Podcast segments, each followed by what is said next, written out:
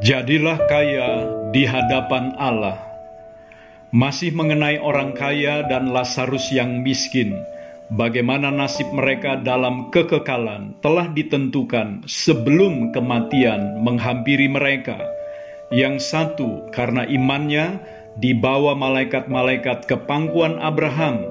Inilah acara penyambutan yang sangat agung yang Tuhan sediakan bagi orang-orang yang percaya dan setia kepadanya. Sedangkan bagi si kaya, karena mengabaikan firman-Nya, ia mati lalu dikubur dan menderita sengsara di alam maut.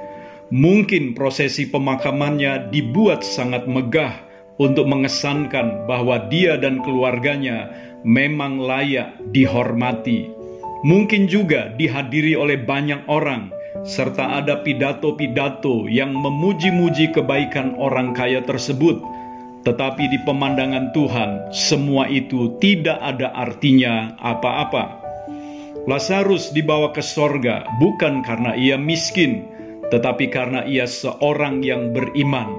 Sebaliknya, orang kaya itu masuk neraka bukan karena ia kaya, tetapi karena ia memakai kekayaannya untuk kesenangan dirinya sendiri dan melupakan Tuhan. Saya jadi teringat akan perumpamaan dari Tuhan Yesus yang juga menyangkut orang kaya, orang kaya yang bodoh.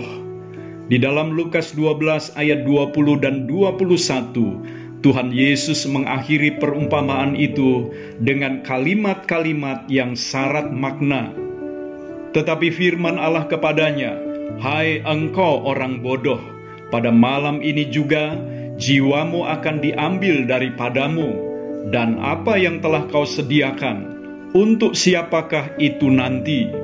Demikianlah jadinya dengan orang yang mengumpulkan harta bagi dirinya sendiri, jikalau ia tidak kaya di hadapan Allah. Orang kaya itu sebelumnya telah mengumpulkan harta bagi dirinya sendiri, seolah-olah hidupnya bergantung kepada kekayaan yang dimilikinya. Ia memperbesar lumbung-lumbungnya untuk menyimpan hasil tanahnya yang berlimpah-limpah, seolah-olah semua itu akan menjamin hidupnya selama bertahun-tahun ke depan. Ia lupa nyawanya bisa sewaktu-waktu diambil dari dirinya oleh pemilik yang sesungguhnya, dan itulah memang yang terjadi. Lalu, untuk siapa hartanya yang banyak itu? Ia merasa kaya pada pemandangannya sendiri dan di hadapan orang lain, tetapi di hadapan Allah ia sama sekali tidak kaya.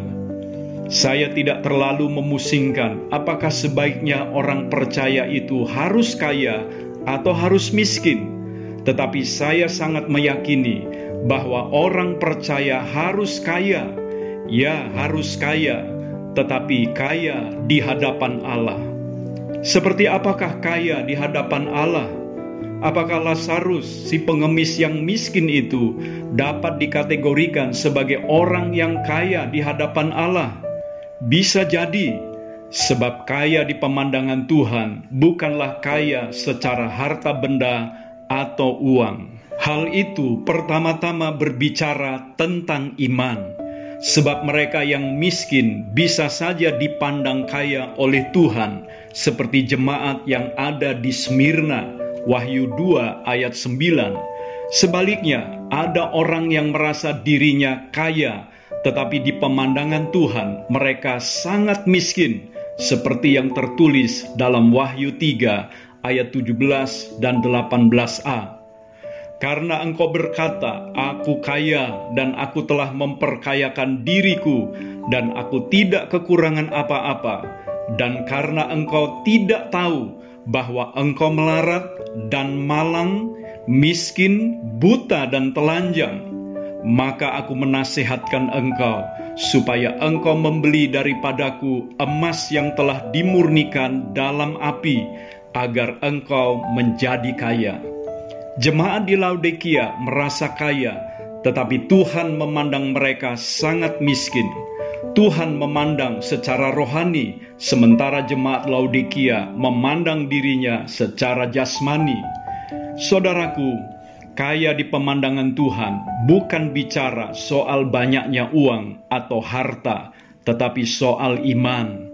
Orang yang sungguh-sungguh beriman kepada Tuhan sesungguhnya adalah orang yang kaya di pemandangan Dia. Itu sebabnya Tuhan memerintahkan agar jemaat Laodikia membeli dari Dia emas yang telah dimurnikan dalam api, agar mereka kaya di pemandangan Tuhan. Emas yang dimurnikan dalam api berbicara tentang iman. Saudaraku, apakah saudara sungguh-sungguh telah beriman kepada Kristus sebagai Tuhan dan Juru Selamat pribadi saudara? Kalau saudara telah beriman kepadanya, saudara adalah orang yang kaya di hadapan Allah.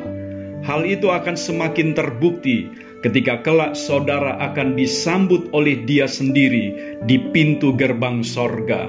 Saya Theo Barahama, mari hadirkan sorga di rumah kita untuk memberkati dunia.